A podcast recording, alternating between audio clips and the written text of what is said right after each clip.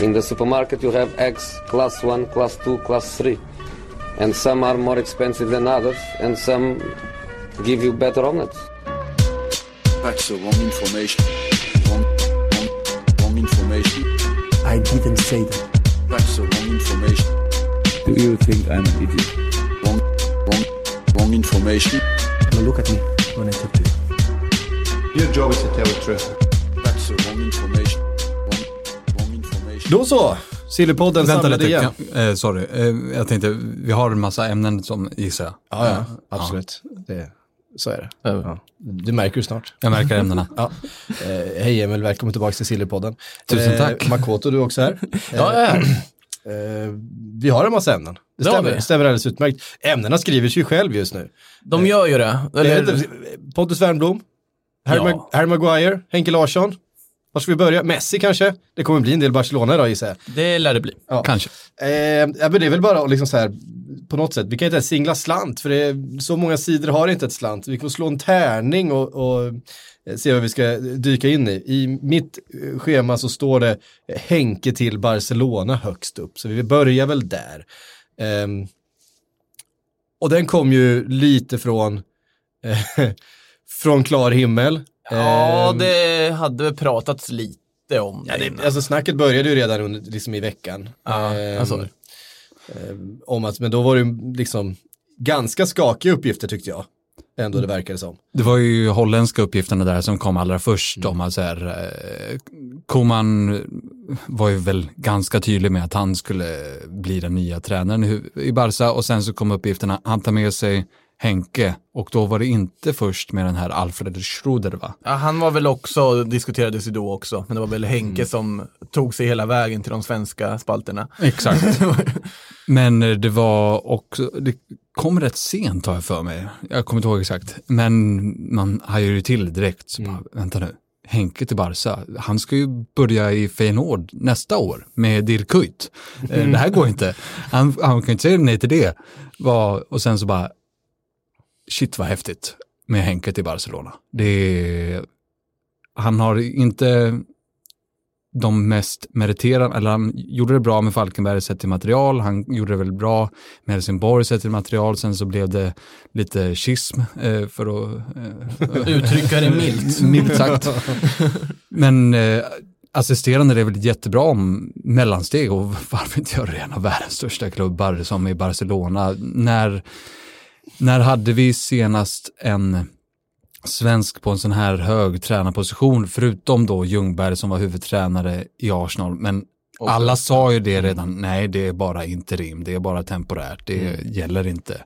Och då tog man inte riktigt på allvar, även om det var häftigt. Men det här, trots att det bara är assisterande så eh, vi börjar förstå hur, varför norrmännen de är så, de bevakar Ole Gunnar så frenetiskt och så extremt. Men det är ju för att de har en norrman i det som de tycker är en av världens största klubbar och då blir det här, ja, det är ju supercoolt. Eh, och eh, ja, de gillar ju att ha sina Ja. gamla Barca-profiler i den klubben med, eh, som har ett förflutet i Barca. Barcelona-DNA har vi pratat många gånger om. Många gånger om har Bränning, eller eh, jo det är Bränning som har eh, ältat om det. Eh, problemet här, alltså jag kan inte hjälpa att titta på det här med någon form av skräckblandad förtjusning.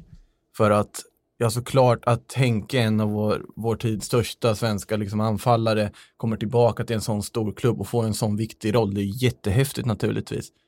Men det är inte den klubb han lämnade en gång i tiden. Det är till en Ronald Koeman som sitter på lånad tid med presidentvalet som kommer snart.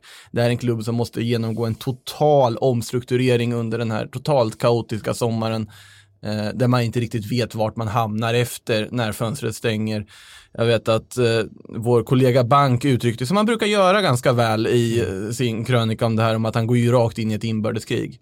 Och det är ju precis så det är. Och man är ju rädd för att Henke Larsson, likt ja, Erik Abidal som sportchef som fick kicken, likt många andra vi har sett, förstörs av Barcelona. Nu har ju Henke varit med om att det har blåst ganska hårt och snävt förut och det kan nog hjälpa honom när han går in i den här miljön. Men det är ingen lätt uppgift och det är ingen lätt klubb att gå in i och det är inte en tacksam uppgift på något sätt. Nej. Ehm, Men det känns ju en- ändå, känns ju som det bara kan efter den här skitsäsongen höll jag på att säga, men den usla säsongen rent ur, får man ändå säga att Bar men Barca mått mätt att det är när de inte vinner ligan och får stordäng i kvarten i Champions League.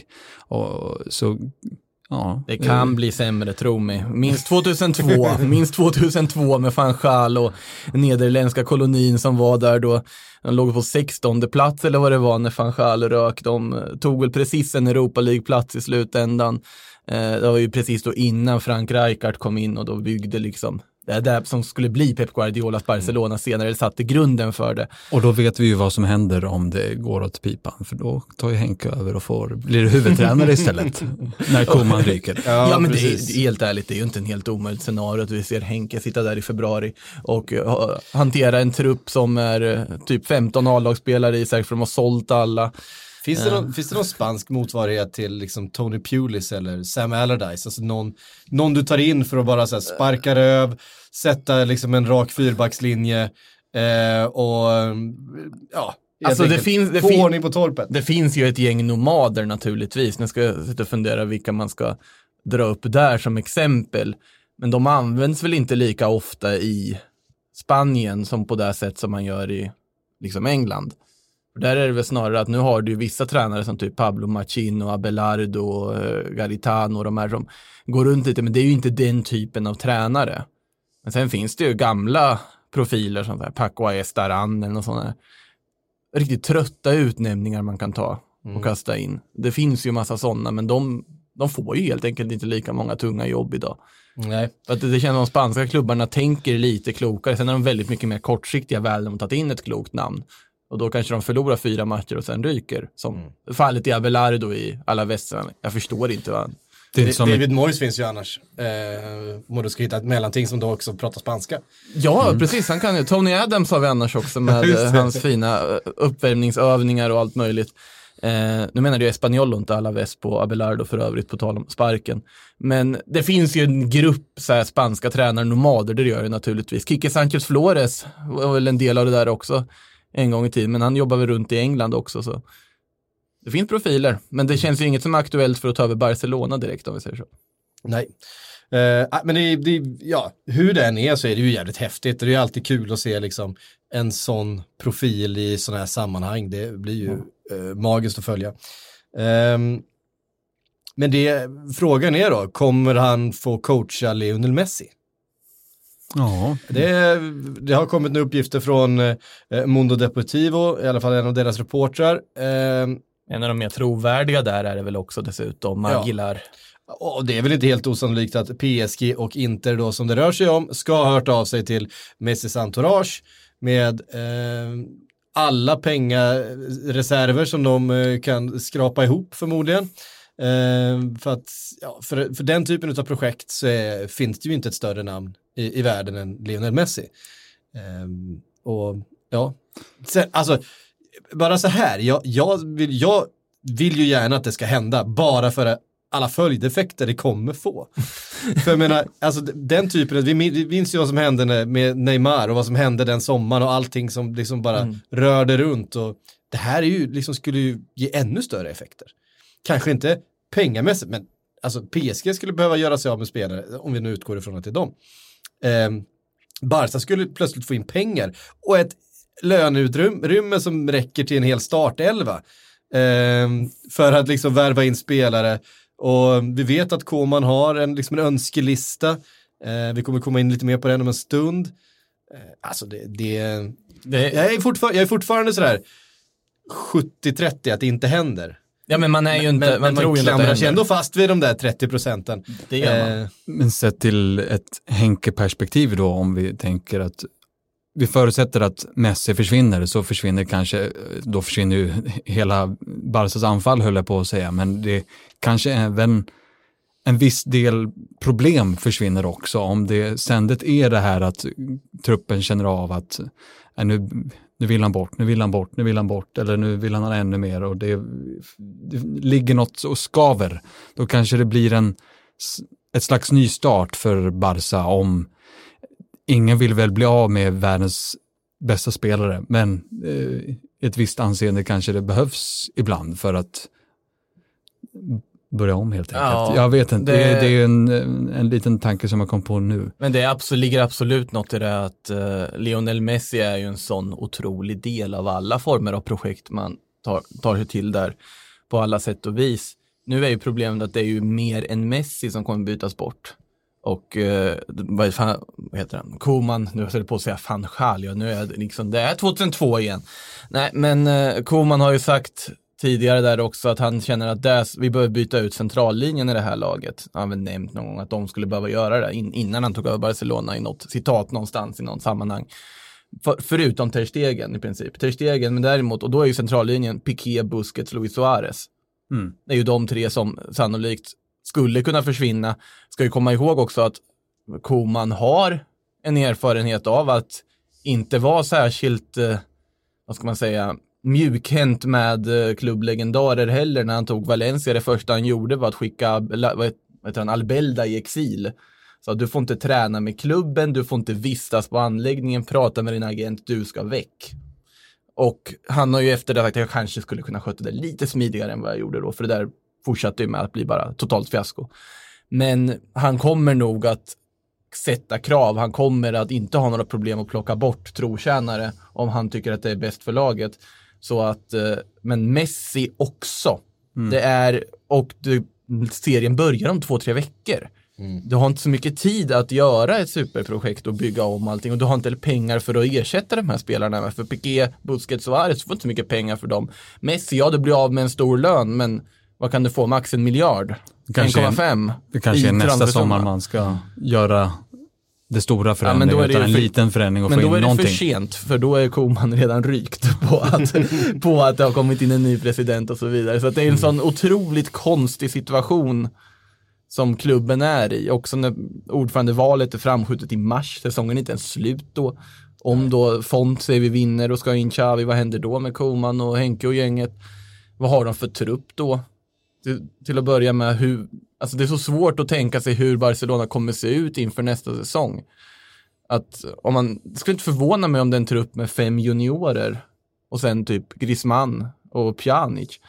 Det, Men kan man tro då att om vi säger att en delar av centrallinjen försvinner, men det känns ju som det tydligaste är att Suarez verkar ju vara på väg bort med Ajax som budar och ett år kvar på kontraktet. Att Griezmann, eh, Griezmann blir ju kvar. Nej, men att han blir kvar och att han blir den centrala anfallaren Ja. och så hittar man, satsar man på Ansu Fati till vänster eh, eller plockar in något namn. Eller, eller Memphis Depay. Ja, han har ju ryktats lite om eh, den holländska Mm. kopplingen. Ja, men då kommer vi in på Komans önskelista då tycker jag. Eh, och vad hittar vi där? Där hittar vi Donny van der Beek. Mm. Eh, vi hittar... Eh, ja, vad Depay hittar ja, vi Mem- vi hittar- Memphis Depay. Erik Garcia sen tidigare. Ja, Michael Keane. Dök Från- upp från vårt gamla... Var det han som, eh, som värvade Keane till Everton en gång i tiden? Jag tycker de här ryktena var ju lite så här, äh, jag kände lite killgissningsvibbar eftersom det var lätta kopplingar, någon Ja. holländare och den som eh, Koman hade i Everton. Ja, Typ precis. För att det behövs en mittback. Det behövs en mittback. Exakt. Eh, ja, alltså Keane ska man ta med en nypa salt, det tror jag. För, Men de andra två, Memphis Depay och eh, Donny van de Beek känns väl rimliga? Eller? Fast är Memphis Depay bra nog att eh, spela i Barcelona? Jag vet inte. Alltså, Supersub. nu, nu ja, det, det ger ju bredd och så vidare till en position som behöver det, men jag vet inte om Memphis Depay går till Barcelona för att vara en breddspelare eller om han nu ska vara Han är ju trots allt ganska bra. Eh, Donny van de Beek, om spelare som Rakitic och så vidare försvinner, tycker jag att det är en utmärkt förstärkning att få tillbaka då och återkoppla då Frenkie de Jong tillsammans med sin gamla lekkamrat från Ajax. Så den, den ser jag ju inga bekymmer med om man jämför med andra namn som har pratats om till den klubben tidigare. Typ Adrien Rabiot och allt vad det är.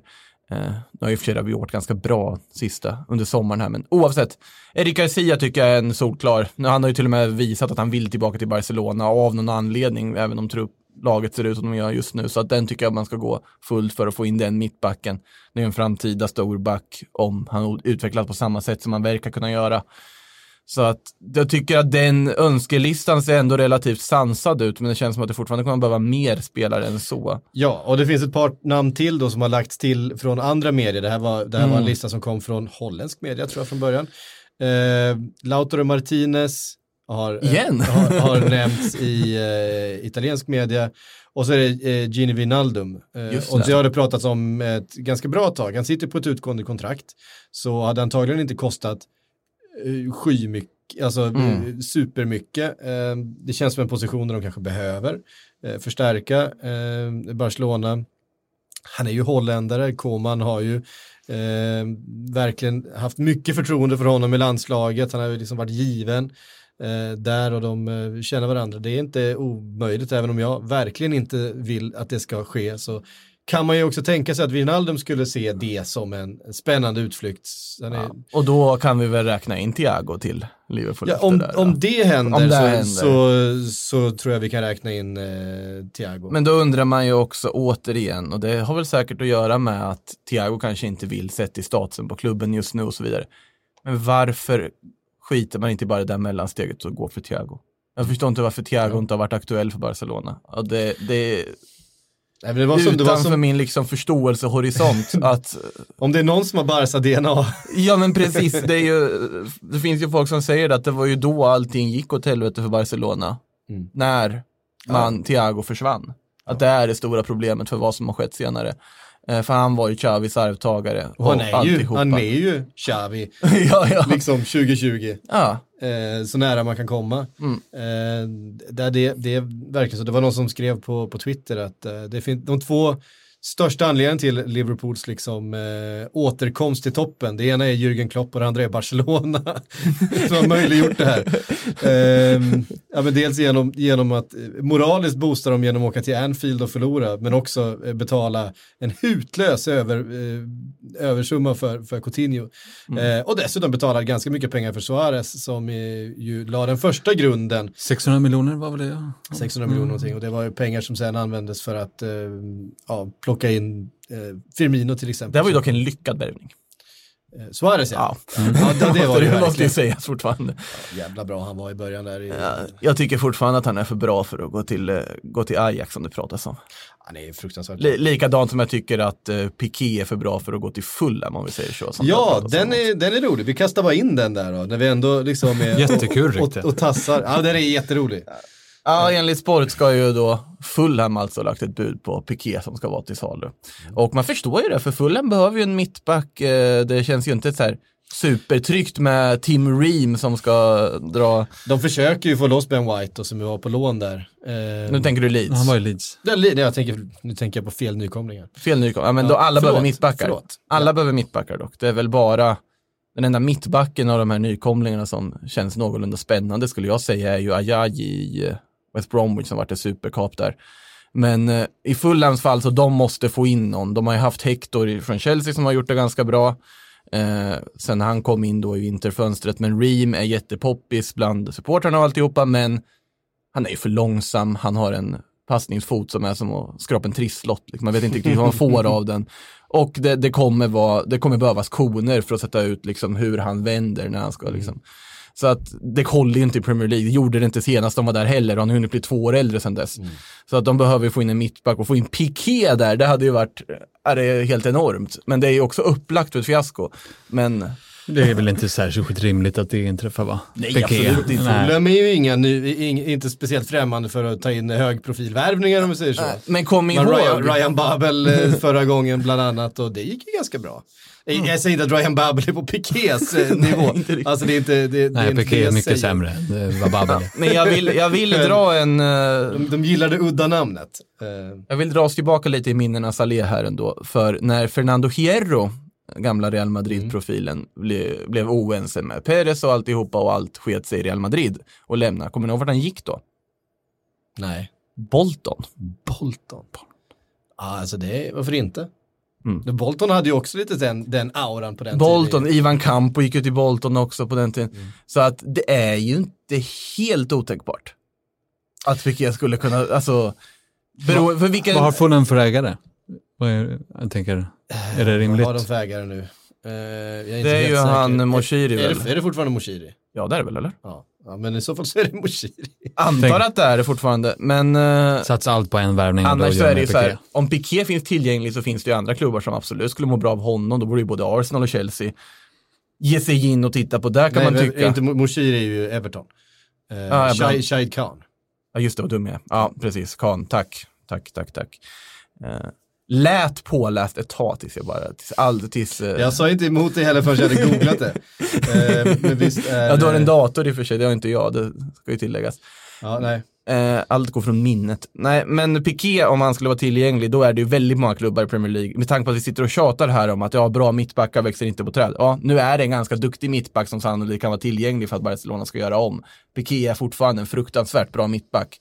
Och, skulle, ku- och har visat att han kan leda ett försvar. Där har du ju en eh, supervärvning om de skulle lyckas få igenom det. Mm. Vänta på de ryktena med spänning. Ja, eh, Kommer. Det kommer. Det gör de. ja, verkligen. Ehm, eh, ja, men jag, alltså, Fulham som ju, om vi bara nämna några namn, kommer ni ihåg Kostas Mitroglou till exempel, va? Jättefin. Jag tänker på Louis Saha. Eh, Alltså ännu längre bak i tiden. Och så här Steve Bra- Malbranc och Brian Reese. Louis Boamorte. En av de fantastiska namnen i Premier League-historien. Och, och det fantastiska Ross McCormack, när han gick till, eller när han gick till Fulham fick han ju smeknamnet Ross McContract. För att han, han fick en så fruktansvärt hög lön. Ehm, Underbart. Det var ju en sjuk, sjuk värvning då. Alltså t- du vet, 2014, det var ändå 11 miljoner pund för Ross McCormack På den tiden. på den tiden. Ehm, mm. ja, men, alltså, jag tänker så här, eh, alltså, Seri till exempel, senast de gick upp. Han tillhör ju fortfarande Fulham. Är det. Han är tillbaka från lån och det är även Sambo Angissa. Så de två ska bli intressant att se om man vågar satsa på igen. Sambo Angissa tycker man ska göra det för han var strålande i Villarreal. Han var en av de bästa på sin position i La Liga. Som sittande mittfältare, som vattenbärare där. Eh, Villarreal vill köpa loss honom förklarliga skäl, men vi får se om Fulham vågar ge honom en Premier League-chans till. Det är lite såhär Steven Nsonsi varning på det. Att han var bedrövlig i Premier League, men helt fantastisk i La Liga. Det finns ju vissa spelare som bara totalt funkar på Jag skulle olika säga sätt. att ser var bedrövlig i Premier League heller. Ja, för att han var inte lika bra som han var. Nej, det var han inte. Oj, nu ringer det i telefon. Jag trodde jag hade stängt av den. Ehm, vidare på listan. Vi måste vidare på listan hörni. Kör. Finns det mer på listan? Det finns mer på listan. Eh, Jiménez har vi pratat lite grann om. Eh, Jiménez till eh, Manchester United till exempel. Eh, eh, Juventus det pratas om. Eh, det sägs att eh, Juventus vill ha då en Benzema till sin Ronaldo. Och det vill man ju. Ja. Man behöver ju liksom majonnäsen till, till räkorna på något sätt. Och varför inte och varför då inte en Raúl Jiménez? Eh, väldigt fin eh, fotbollsspelare och har väl inte helt olika kvaliteter eh, om man tittar på Benzema. Eh, hårt arbetande forward. Eh, Fast har han eh, den enorma fotbollsintelligensen som Karim Benzema har? Det är jag min, mer tveksam till. ja, alltså, nu, nu, kan, nu är det ju väldigt svårt att hitta någon som har det. Men absolut, Jiménez som allround-forward. Det är ju inte min teori det här va, jag har ju läst det någon annanstans såklart. Don't- det, don't shoot the att det är en, messenger. en, en, en Benzema-värvning. ja. Ja, Eh, i alla fall. Jiménez är ju en, en oerhört fin anfallare. Det får man minst säga. vi har pratat ganska lite om spelare ut från Wolves ändå, med tanke på hur bra de gick och hur, hur spännande spelare det finns där. Jimé- Jiménez den bästa utav dem såklart. Eh, men det är liksom en, eh, Ja, det är en drös av spelare som borde eh, kunna försvinna. precis, det finns ett namn till som kommer dyka upp här om en liten stund i programmet. Eh, Jag tror jag kan gissa vem. du kan det? Ja. Ja, spännande. Men, eh, men eh, Jiménez, det, han, det känns ju som, men vill inte Ronaldo vara mer centralt framöver i boxen? Får man inte de två på samma position då, höll jag på att säga. Men att inte Ronaldo vill utgå från vänster längre. Behöver ju ändå en forward som hjälper till, vad man säger. Nu har det ju pratats om att Pirlo även har sett Edin Dzeko som ett alternativ och då känns för kanske Raúl Jiménez lite mer spännande och. Definitivt. Eh, inget ont om Dzeko som är nyttig på sitt sätt, men eh, alltså, det beror ju på vad han skulle kosta, för han skulle ju kosta något enormt mycket pengar sett till att han är 29 om Juventus skulle värva honom. Det här känns, jag tycker att Jiménez känns lite som det här transferfönstret. Han kommer ryktas konstant, men det kommer att sluta med att det inte blir så mycket av det. Jag har i alla fall den känslan att han är kvar i Wolves. Det här är transferfönstrets Andrea Belotti.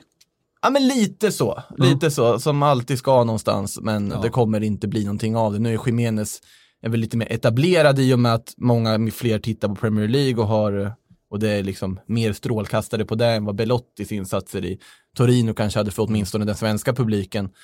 Eh, men i Jiménez fall så jag tror att han, det, han blir för dyr. Alltså Det var, ju för, precis, och det var ju problemet med Belotti också. Han var ju hela tiden... fast Belotti var ju ändå någorlunda lovande och hade någon ålder också. Ja, men precis. Men det var ju alltid så här, ja, men han kostar en miljard. Det är vårt pris, en miljard. Ja, men 100, tu- 100 miljoner euro var ju liksom, det var tydligt. Från, från, från eh, Torino-ledningen, ja men det är det ni får betala. Och alla var så här, nej, det är lite för mycket för, för Belotti. Det har ju också legat honom lite i fatet, kanske att han kom i en tid då det fanns otroligt mycket centerforwards till salu. För det har det ju verkligen gjort de senaste åren. Ja. Ehm, det är liksom en Jovic som bara sitter och, och jag vet inte vad han gör. Ehm, Oklart. ja, Han har säkert Sitt- brutit sitt- någon form av karantänsregel igen i alla fall. Sitt, sitt, sitt, sitter och sover bredvid Gareth Bale då, liksom på, på Real Madrids lä läktare. Eh, så, jag menar så här, vi har ju sett, det finns mycket centra, cent, center liksom till salu, men jämför med mittbackar till exempel. Ja, Eh, så är det. Och det är ju också för att kravbilden är lite annan. Och att du måste, Ja. Det pratade vi väl om förra veckan också. att Precis. Mittbackar har en annan kravbild, det är svårt att hitta rätt. Eh, Anfallare, ja det är bara spring och gör mål. Inte, inte så enkelt kanske det inte är, men det finns fler att vä- välja och vraka mellan. Och i Jiménez fall, nej alltså. Han har varit jättebra absolut, men att han, de ska betala, det måste vara ett desperat lag i en desperat tid som betalar de pengarna som Wolverhampton kommer kräva. Skulle säkert kännas som en Milan-värvning om, de inte, om inte Zlatan skulle bli av så skulle Milan ta Det Jiménez. finns ju inte de pengarna. Nej, men det skulle säkert, säkert kunna så här att de lånar till sig. Ehm, jag tror inte man ska räkna bort United där heller. Det ska man absolut inte göra när de, Om de inte får San, loss San- Sancho. och, precis. Sancho, Sancho. När de sitter och funderar över hur de ska lägga sitt bud och lägger att ja, men vi betalar det där då och sen så kan vi dela upp det så. Och så går det en vecka kvar av fönstret. Men vad ska vi göra då? Fellaini för, vad var han kostar nu? 30. Alltså, det var ju en bra värvning där och då. Det kände man ju att det här är ju en bra värvning tänkte jag i alla fall. Det var ju inte en bra värvning I- i- med, med, ta- med tanke på att han eh, tre veckor tidigare hade kostat eh, 60% av priset. Eh, och sen gick den klausulen ut och så väntar man i tre veckor och så, ah, vi tar honom Ja, i alla ja, fall men- och fick betala 45 Ja, på så, istället. på för- så sätt var det ju dumt, men jag menar som Trettio. spelartyp så var det ju inte fel. I och för sig, det är ju Jiménez i samma sits. Ja. Eh, vi måste prata Värnblom. När vi ändå pratar eh, center forwards, för det säger han ju själv att han ska, att han igen, ska, igen! han ska spela för IFK Göteborg. Han gjorde ju Eh, succé som det sist ju. Ja, Han vann väl nästan skytteligan höll jag på Han att säga var senast. ju centerforward en gång i tiden, ska ju kommas ihåg. Och sen så blev han någon sorts defensiv mittfältare och gjordes om till det, där han därefter fick liksom de här framgångarna utomlands i CSKA och så vidare. Jag minns ju fortfarande när han spelade mot eh, Real Madrid i Champions League. För att Wernbloom är ju en uttalad madridista. Han är jättestor Real Madrid-supporter och eh, till, var till och med medlem i den svenska Real Madrids eh, supporterförening. När han mötte Real Madrid, han la inga fingrar emellan, det var liksom dobbarna upp och bara köra och Real-fansen buade ut honom. Det är ju helt rätt sätt att hantera att du möter din favoritklubb. Alltså det, är ju, det, är ju hans, det är ju hans sätt att Exakt. möta alla klubbar. Ja, men precis. Och det, det här är väl det är en jättefin förstärkning för Blåvitt att få in honom i det här läget. Ja. Eh, det är ju lite den här tuffheten, vinnarskallen de kanske saknat, för det finns ju duktiga fotbollsspelare. Och få in honom, ja nu ska han ju spela forward, den är väl inte lika Nej, det är ju han hundra- själv som har sagt det. Han ja, snackar jag ju vet. skit. snackar ju skit. Men det är ju definitivt den roligaste hemvändaren allsvenskan har fått sedan eh, Rosenberg kom hem, vad var det, 2013, 2014? Eh, Definitivt. Alltså Ola Toivonen är ju också kul. kul, men alltså Wernbloom, sett till aura, sett till personlighet, sett till vad han gör ute på planen så är han ju, han är ju ren och skär underhållning. Jag tycker Totte är den roligaste hemvändaren, men det, det är lite påverkan. Nej, men eh, såklart det är jättebra för dem att få in honom och sen får man ju se hur de lägger upp det. Nu har ju Jakob Johansson fått spela mycket mittback. Exakt. Inte kanske varit ett alltid superlyckat experiment för dem, eh, men Erlingmark har också gått ner som mittback när det har varit lite skadebekymmer på Bjärsmyr och allt möjligt. Det här kanske tyder på att Al-Hassan Yusuf är på väg bort för Blåvitt. Fast att han, Ja, det kan eller om de då använder på. som honom som centerforward, Wernbloom, så kanske det inte är så. Men Nej, men även om de ska byta ut Yusuf på mitten där så känner jag att han är fortfarande, han har någonting som de andra mittfältarna inte riktigt har, för han kan han är väldigt duktig tvåvägs, han är väldigt allround, han är fortfarande kvick, teknisk, spelintelligent. Det är ju inte riktigt den typen av innermittfältare Blåvitt fått in när de får in Jakob Johansson och Wernerblom. Och om du ska spela den typen av fotboll Poja vill spela, då, då behöver du en Yusuf typ. Där skulle jag säga att om han lämnar behöver du fortfarande ersätta honom med någonting, för det är inte riktigt den typen du fått in i Värmdom. Nej.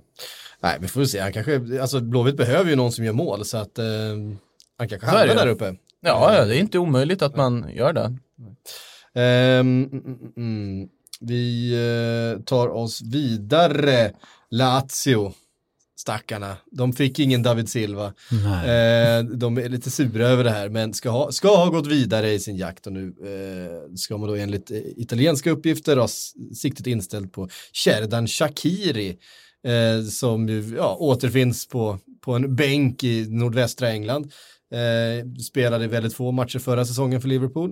Eh, när han väl spelade så gjorde han ju faktiskt väldigt bra. Men mycket skador och mycket ja, väldigt hård konkurrens såklart om, om eh, platserna där. Det är ju en, en rotationsspelare. Eh, verkar ju vara rätt nöjd med livet å andra sidan. Har ju inte liksom uttryckt några egna eh, liksom, viljor att lämna och känna att jag vill ha mer speltid och så vidare utan verkar ju trivas rätt bra där han är. Men det är klart att om Lazio kommer och säger att vi, vill, vi kommer stoppa in dig i startelvan, vilket de ju skulle göra antagligen. Ehm, Ja, vart? Det är väl till höger då? ja.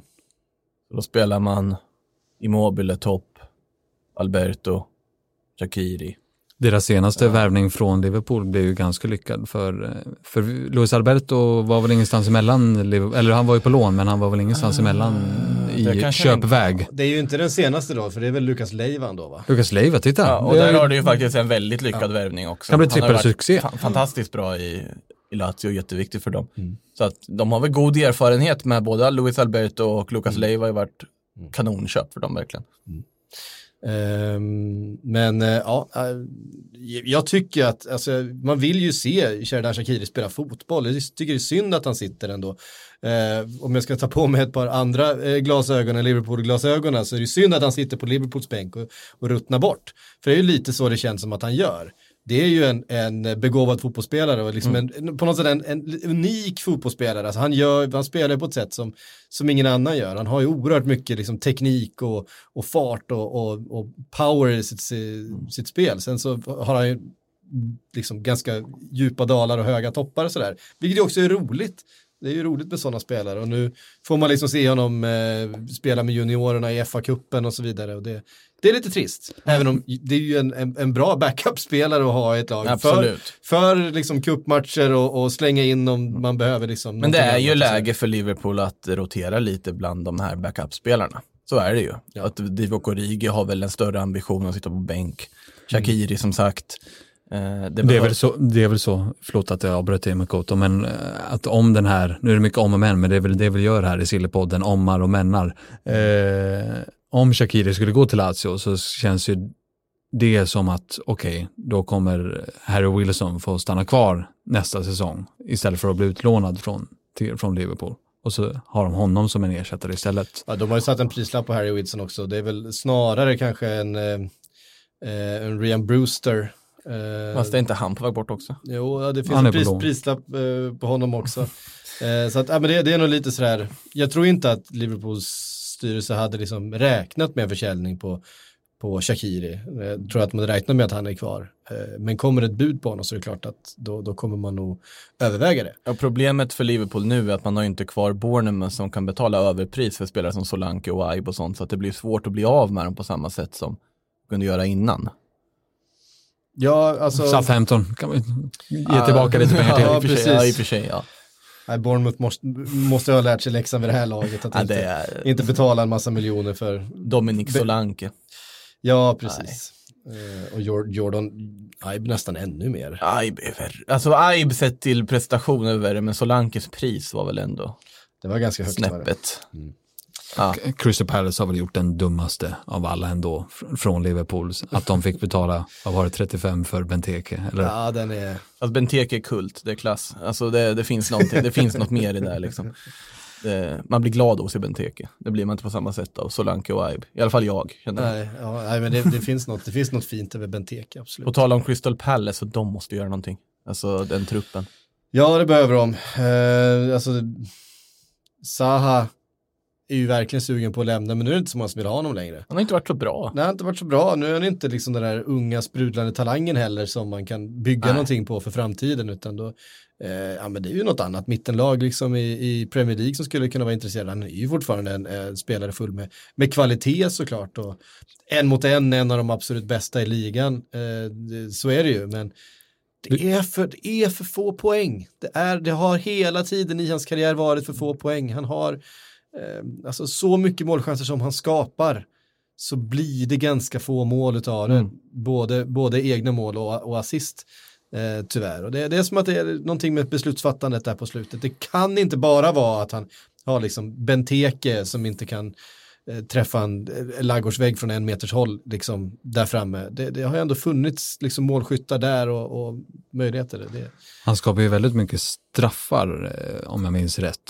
Sen Så så, vi pratade ju lite om honom förra veckan, var ska vi placera honom? Då sa jag Leicester. Jag kommer ju även på att han känns ju väldigt Kina-kompatibel också. Eh, att kunna gå dit. Mm. Jag tror Men- Monaco.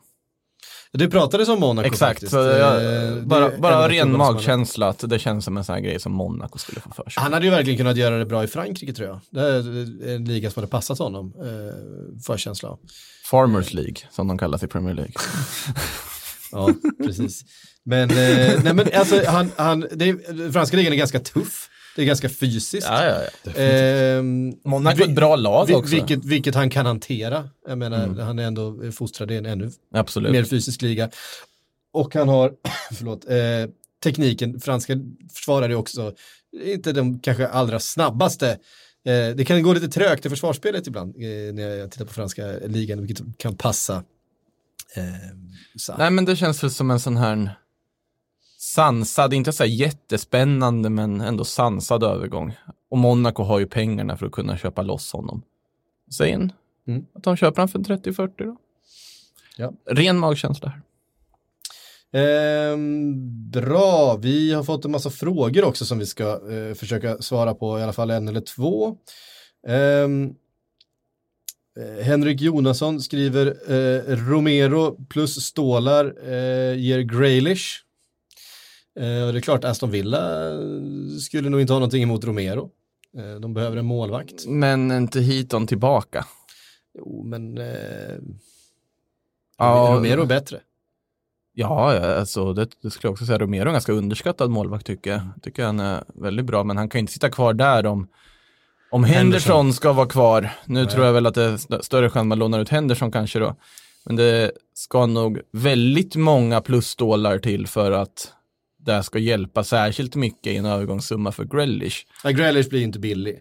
Nej, En typiskt dyr spelare. den, det är precis det. Det är en sån här Apple-logga på den skärmen. Ja, liksom. det, det, det kostar. Ja. Eh, ja, så. vad kan Romero vara värd då? Det är det också, det känns som att det kommer inte dra ner summan så att det blir något anmärkningsvärt ändå. Sheffield United betalade, vad var det, nästan 200 miljoner för Aaron Ramsdale, så då kan väl Romero, borde väl vara med. Nja, Värre än det. nja, nej, nej, nej, nej, nej, nej. Det Alltså- håller jag inte med. Britt, ja, det är för att han är britt och ung då. Britt är, och han är ung. ung och jag skulle säga att Ramsdale är bättre. En Romero? Ja. Jag tycker Ramsdale är riktigt bra. Ramsdale är Riktigt, åtminstone riktigt mer lovande, Romero är ju, Inte har ju lovande. liksom, om man tittar på kurvan liksom så är det väl går snarare neråt. åt neråt hållet. Ramsdale är på början av en kurva som går uppåt om man får tro vad. Jag skulle säga att det var nog kanske bara, eh, ja men alltså, det, det står ju mellan, det är liksom Nick Pope, Henderson, Ramsdale, det är liksom ganska jämnt skägg däremellan skulle jag säga. Jag skulle säga Henderson kanske är den bästa, eh, mest lovande, men, men Ramsdale är inte så långt bakom. Po- Pope är det förvånande att prata så lite om egentligen. Alltså när lag behöver målvakter och så vidare. Han har kopplats lite till Chelsea och, och sånt med. Men eh, där får jag också säga att jag var ju väldigt förvånad över priset förra gången vi spelade in. Men ju mer jag funderar på det på Ramsdale så känns det ändå på något sätt. Kanske är vettigt ändå då? Ja, men lite så. Alltså, att, Tycker det- inte att det är så farligt. Nej, jag, jag vill nog mer gått åt det här hållet. Man ska vara ärlig när man ändrar sig och man Ja, ska, man ska också. kunna ändra sig Det också, får man tycker jag göra. är viktigt. Men det är också att mag, eller den eh, första känslan man får när man tänker priser på målvakter är ju att det ska vara lägre, men det är ju en annan verklighet idag än vad det var förut. I, Mm. Att man, att man bra betalar vettiga priser för mål. Sett till hur viktiga målvakten är så blir ju Ja. priset mer... Nej men jag menar, eh, Alisson kostade vadå 600-700 miljoner eh, och det är det ju ingen som tycker var ett, liksom, eh, överpris. ett överpris idag eller liksom inte värt. Då var det det, men nu är det inte det. Nej. Eh, Det är ganska många av jag tror, som känns så ändå. ja, men jag, tror, jag, jag tror ändå att så här, målvakter länge har varit lite underprisade. Ehm, Helt eh, rätt. he- Helt, helt enkelt. Jag tror att vi kommer få se högre, högre övergångssummor på, på målvakter. Ja, så Janne Oblak kommer kosta en miljard om man skulle försöka värva honom Eh, nu. tror jag också. Och, Eh, Ja, men menar, framförallt målvakter som kan mer än, alltså det finns ganska många shotstoppers där ute, alltså eh, Karius-typer som eh, har bra reflexer och kan se ganska bra ut och sprattla Mm. till, men som har för många misstag, som eh, är för dåliga med fötterna, som, som har för mycket annat som de eh, inte kan hantera. Det är liksom, den typen av målvakter är det färre som är intresserade av idag. Du måste kunna mycket mer, du måste vara liksom libero eh, i stort sett. Du måste kunna liksom röra dig upp i planen och krympa avståndet mellan, mellan backlinjen och, och, och, och ytan bakom och eh, sådär. Det, det, det blir allt viktigare. Ehm, och det finns inte så många som, som hanterar det så pass bra eh, som tränarna vill att de ska. Då, då är det klart, då, tillgång och efterfrågan, Eh, då, då kommer På priserna tal- på målvakter stiga. På tal om unga lovande målvakter som borde kosta pengar så ska det nämnas att Unai Simon i Atletic skriver på nytt kontrakt nu och blir ännu en av dem i Atletic som inte har en utköpsklausul. Mm. Han har skrivit på till 2025 utan utköpsklausul, det vill säga då kan inte Chelsea gå in med Är- 80 miljoner. Är det lagligt i Spanien nu eller? Ja, men man får göra det. Grejen på något sätt är att om spelaren går med på det så får du köra utan utköpsklausul, men då blir det i något fall att ifall den vill lämna så måste då klausulen sättas av någon sorts jury i rätten. Det blir jätterörigt juridiskt ifall spelaren nu skulle vilja lämna och det blir en diskussion. För att det ska få något att finnas, men du kan sätta ett kontrakt utan klausul. I Atletic har de ju börjat göra det med många spelare när de har fått också se spelare som lämnat på grund av klausulen. Laporte, eh, Kepa. Nu fick de ju bra betalt för alla de. Laporte, Javi Martinez. ja en gång i tiden kanske också. Ja. Llorente också väl? Det är många som har lämnat på den där klausulen och Atletic har jobbat med den ganska bra, typ Kepas klausul. Eh, han skulle ju aldrig kostat det annars. Men nu har man ju börjat sätta utan klausulerna Simon blev uttagen i landslaget nu också. Man kan ju argumentera för att han borde till och med få vara första valet i den landslagstruppen med tanke på att de Gea och Kepa är de två andra målvakterna som är uttagna. Eh, men han har skrivit på till 2025 i alla fall. Så att den blir nog svår att köpa loss om någon klubb skulle titta på honom. Ehm, jag, jag glömde det, jag skulle ju nämna Adama Traoré innan också. När vi Ja, var du- inne, inne på Wolves. Det var min gissning. Ja, precis. Sen glömde jag bort det. för Det vet alla. min- Var ska han den här gången då? Nej, men det, det pratas lite allt möjligt om eh, Adama Traoré. Men det ska finnas en prislapp på 70 miljoner. En coronaprislapp. För- Det är det coronaprislappen? Ja, på? det tror jag. Ja, De skulle ha liksom över miljarden om du frågar i vintras. Är han, alltså nu, nu kanske jag svär i kyrkan lite här, är inte han lite överhypad?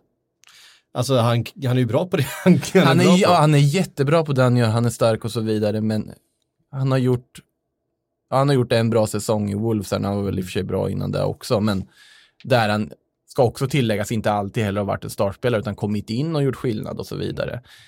Den prislappen är hög, ja han är lovande, han är duktig, han är unik typ av spelare, men reapris 70, ja, Ja, det pratades om Barcelona, det pratades om Juventus och det pratades om Liverpool. naturligtvis. Ja. Karaktären med honom bidrar ju lite till hypen runt honom med babyoljan, att han Ja. oljar in armarna och att han är så enormt muskulös. Exakt. Och fruktansvärt snabb. Exakt. Han är ju Att- den snabbaste spelaren i... Eh, Han i är, han, är, han är fantastisk, det är inte det jag säger, men det är otroligt mycket, alltså Adama Traoré hit och dit, att han ska vara så otrolig och eh, så värd alla pengar som finns. Eh, man undrar ju om det ingår en års förbrukning av babyolja i det också. Alltså så att de, är redo liksom. Ja. Kommer han inoljad? Ja, det, får känns ju man som han utvecklas hela tiden i alla fall. Alltså så här att han går framåt, att det är så här, det är inte, det, förut var det bara skjut och, eller spring och hoppas på det bästa. Det, är nu, det finns lite finess och det är, Han var ju en teknisk ytter en gång i tiden, det ska man ju komma ihåg. Det var inte, det var inte ett kraftpaket när han var yngre i Barcelona och fostrades där en gång Jag säger, jag, säger, jag säger fortfarande det, han spelade, han spelade en del som eh, wingback också i, i eh, Wolves då, eh, under Espirito Santos.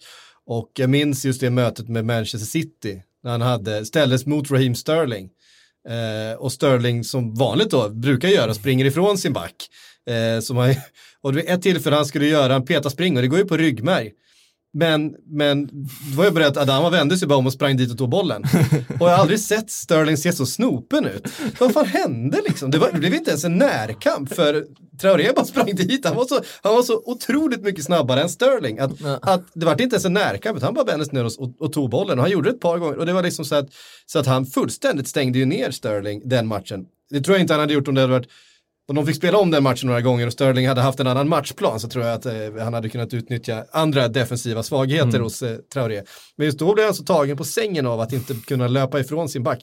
Det var väl antagligen också en matchplan från eh, Spirito Santos. Ja. Eh, du ser till att Sterling inte springer ifrån någon på, på din kant. Precis. Ja, okej. Eh, Då har du stängt ner ganska mycket av Citys anfallsspel. Absolut. Eh, och som sagt, snabb är han. Och, star- och stark. Ja, han Eh, har mycket kvaliteter. Det är inte som att jag tycker han är dålig. Det är inte det nu, utan det är mer att... Bara en allmän fundering om att man ska ändå ja. vara sansad. Eh, Patrik Magnusson skriver, vart hamnar Aouar? Det har ju blivit väldigt mycket hype nu under Såklart. Champions League-slutspelet såklart. Eh, väldigt fin eh, mittfältare. Jag vet att han har kopplats mycket med Arsenal, eller många har gjort det i alla Mm. fall. Eh, det tycker jag hade låtit som en utmärkt förstärkning för dem. Mm. Särskilt om de inte får behålla Ceballos, som det verkar som att de inte kommer få göra. Nej. De måste ju få in en kreativ mittfältare på det här mittfältet. Mm. Jag tror nästan det är större prioritet än en mittback för Arsenal här och nu, om inte Ceballos kommer tillbaks. För vem ska vara där? Du har Xhaka, han är ju inte den kreativa, han är ju snarare ankaret. Lucas Torreira har inte riktigt kommit igång och kan, Nej. kanske inte ska Han gå inte in som en, den, den eh, Nej, och ska väl inte gå in som såklart första alternativ heller inför en säsong som han har spelat. Guendouzi är ju, ja, han är ju rökt. Ja. Eh, det måste ju in någon, någon duktig mittfältare. Det här är också Thiago. Men nu kanske inte, ja, men det hade ju varit helt perfekt för dem Ja, ja, att få in en sån spelare där. Verkligen. Och Arteta borde ju ha dragit ett samtal eller försökt att hijacka den eller göra någonting. Mm. Men, men det här dröjer ju med Liverpool, kan ju inte bara gå hit och så kan vi liksom börja köra Premier League-säsong. Någonting. Men vill de två, vill, vill Thiago och vill eh, Aouar till eh, Arsenal i det här läget? Alltså, det- Thiago antagligen inte, men Awar vet jag inte varför han inte skulle vilja. Ja, För, här, för, för Thiagos del så tror jag väldigt mycket ha- handlar helt enkelt om att han själv vill spela för Klopp. Jag tror att han har en, Mm. eh, en känsla att han har spelat för för Guardiola, han har spelat för eh, stora tränare och sådär och att, Mm. att eh, Klopp är liksom, ja men erbjuder någonting annat som han vill testa på i sin karriär. Alltså, det, det, Det kan finnas en, en sån väldig, aspekt en i det. väldig, ja, de, det sägs att de två har liksom en kontinuerlig kontakt också, Mm. att de eh, tycker om varandra helt enkelt. Eh, när det gäller Aouar så, så handlar det nog mest om eh, att han kommer bli dyr. det känns ju... Lyon är inte så Jo, lätt att så är förhandla med. Nej, jättesvåra. Och är Eh. alltid svåra. Men det känns så här typiskt som bara PSG snurrar åt sig. Så eh, nu vill vi ha den bästa centrala mittfältaren i franska ligan. Mm. Eller inte den bästa kanske då, men vår största konkurrens bästa mittfältare. Och Lass kommer ju inte rea ut om vi säger så. Hans, eh, Nej. hans prissättning är ju som Systembolaget, liksom. vi har inga reor. Nej, Det, det, det är vad det är. uh, Olas är ju en, en, en riktig, riktig bromskloss. Uh, jag menar, han är ju, man dukt, minns- han man är ju minns- duktig på det han gör dock. Ja, ja, Man- man gillar honom, man gillar vill, honom. minns alla de här liksom Lacazette-historierna allt det. Det, det tar ju tusen år att få loss en spelare från Lyon. Liksom. Ja. Eh. Så det blir nog inte av i sommar, men om man tittar bara på spelaren i sig och behovet så naturligtvis så skulle ett lag som Arsenal må fantastiskt bra att få Definitivt. in honom. Många lag som skulle Ja, verkligen. behöva honom. Mm, mm, mm. Nej men vet ni vad? Klockan springer ifrån oss. Vi måste faktiskt eh, knyta ihop här för, för eh, den här veckan. Eh, Makoto och Emil, tack för att ni eh, tog er in till studion. Tack alla ni som har lyssnat. Eh, trevlig helg på er. Så, eh, lycka till alla som ska liksom ha känslor investerade i Champions League-finalen på söndag. Och sen så hörs vi på andra sidan, ja, eller Europa League-finalen för den delen. Så hörs vi nästa vecka igen.